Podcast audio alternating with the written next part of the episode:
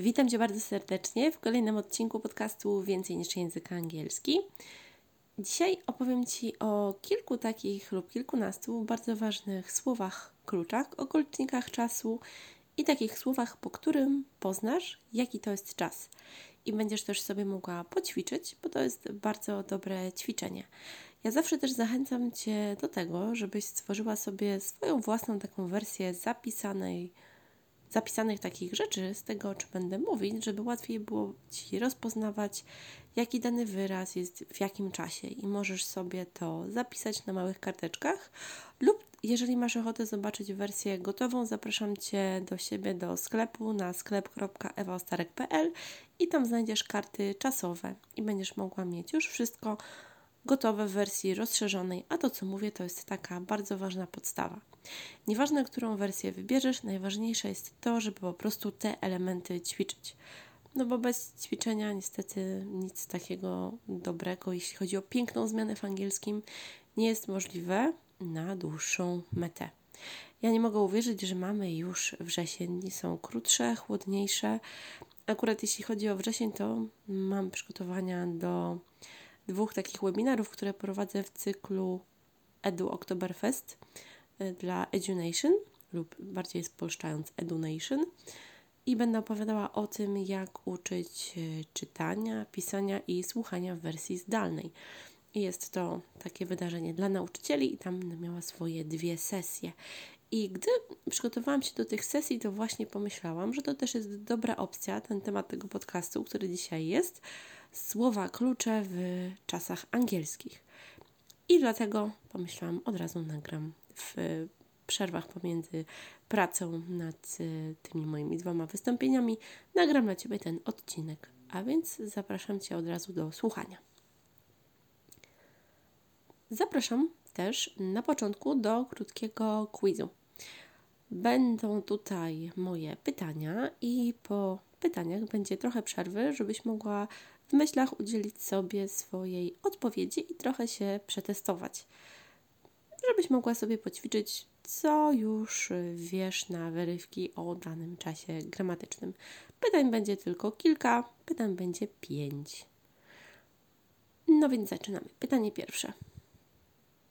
Jeśli słyszysz wyraz since, to do którego czasu możesz go dopasować? Jeśli słyszysz wyraz wczoraj, to do jakiego czasu możesz go dopasować? Jeśli słyszysz, że trzeba dodać końcówkę s do czasownika, to w jakim czasie?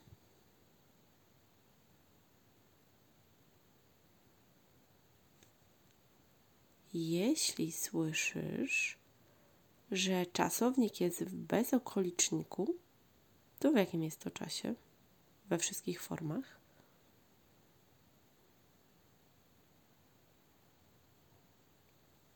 Jeśli słyszysz o trzeciej formie czasownika z tabeli czasowników nieregularnych, to w jakim czasie?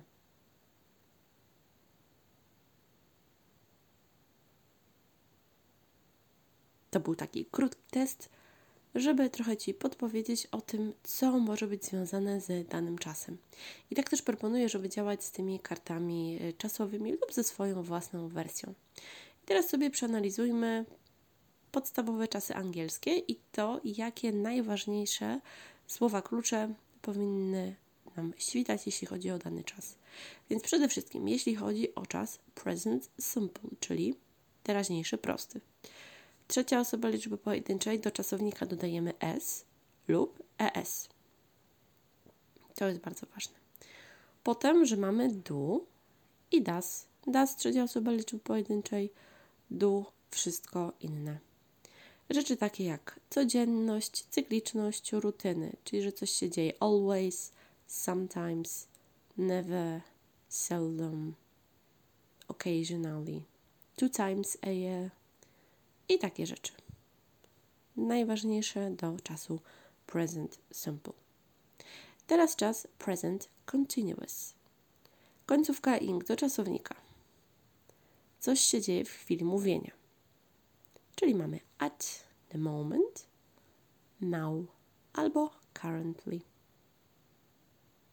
Także najbliższe plany i jakieś takie rzeczy y, zaplanowane w najbliższej przyszłości. I w skrócie tyle. Teraz mamy past simple. Końcówka ed lub d do czasownika. Jeżeli są czasowniki regularne, dodajemy ed, jak nieregularne, druga kolumna w tabeli czasowników nieregularnych, czyli na przykład do, did. Pytania mogą się zaczynać od did, was lub were. jeśli chodzi o did, to są z czasownikiem was i were z przymiotnikiem i ze stanem. I takie wyrazy jak wczoraj, w jakimś roku, w 1999 i wszystko, co się odnosi do przyszłości. Dwie godziny temu, trzy godziny temu, dwie minuty temu. Czas future simple, czyli czas przyszły, prosty. Will, czasowniki w bezokolitniku we wszystkich formach i wyrażenia związane z przyszłością, na przykład jutro, w którymś tam roku, w przyszłości. Żadnych końcówek, niczego tutaj nie ma. Bardzo fajny czas. I czas present perfect. Since i for. Since od jakiegoś momentu, for przez jakiś czas. Dalsze wyrazy just, already i yet. Dalsze kwestie. Czasownik regularny ed końcówka lub nieregularny trzecia forma i do tego jeszcze have lub has na początek.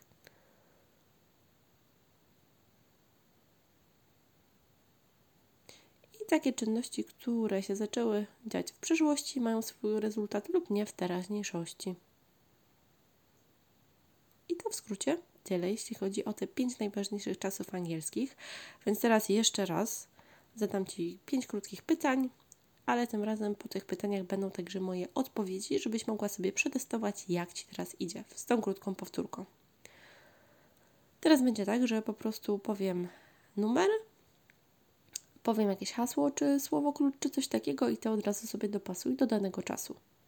Z tych czasów podstawowych oczywiście, bo jest tak, że pewne rzeczy mogą pasować do większej ilości czasów, bo na przykład for albo since to może być do, ogólnie do czasów perfect, niekoniecznie do present perfect, ale my tutaj robimy rozróżnienie tylko na tych pięć podstawowych. Dobra. Punkt pierwszy. Yesterday. Czas przeszły prosty. Past simple. 2. Will. Czas future simple. Przyszły prosty. 3. For. Czas present perfect. Was i were. I nic już więcej nie ma, tylko to. Czas past simple.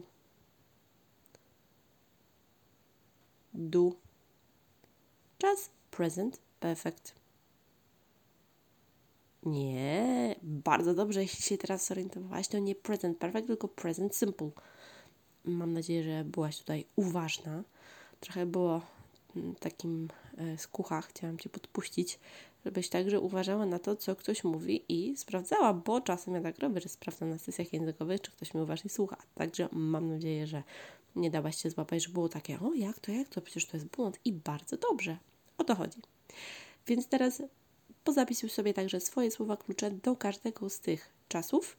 Zrób takie karteczki, korzystaj z nich codziennie, chociaż przez minutę przewracaj sobie te karteczki, układaj z nimi słowa na głos, mów, szukaj wymowy, po prostu działaj, działaj, działaj, bo samo się oczywiście nie zrobi. Jeśli masz ochotę zobaczyć te karty czasowe w wersji takiej, jakiej ja zaprojektowałam, to wejdź na sklep.ewostarek.pl i zobacz tam produkt karty czasowe. To jest produkt PDF z różnymi takimi czasami, pięcioma oczywiście, z gotowymi już słówkami, wyrażeniami, frazami do każdego czasu jest określona tego liczba, rozcinasz to sobie, losujesz i tam jest jeszcze instrukcja w formacie MP3 do słuchania z ćwiczeniami. Nieważne, którą wersję wybierzesz, ważne, żeby to ćwiczyć. A jeżeli ten odcinek Ci się spodobał, to daj proszę znać jednej osobie. Oceń także proszę pozytywnie mój podcast w iTunes lub w innych aplikacjach, których słuchasz, żeby więcej osób mogło cieszyć się językiem angielskim. Dziękuję Ci bardzo za dzisiaj i do usłyszenia niebawem. Trzymaj się ciepło. Cześć!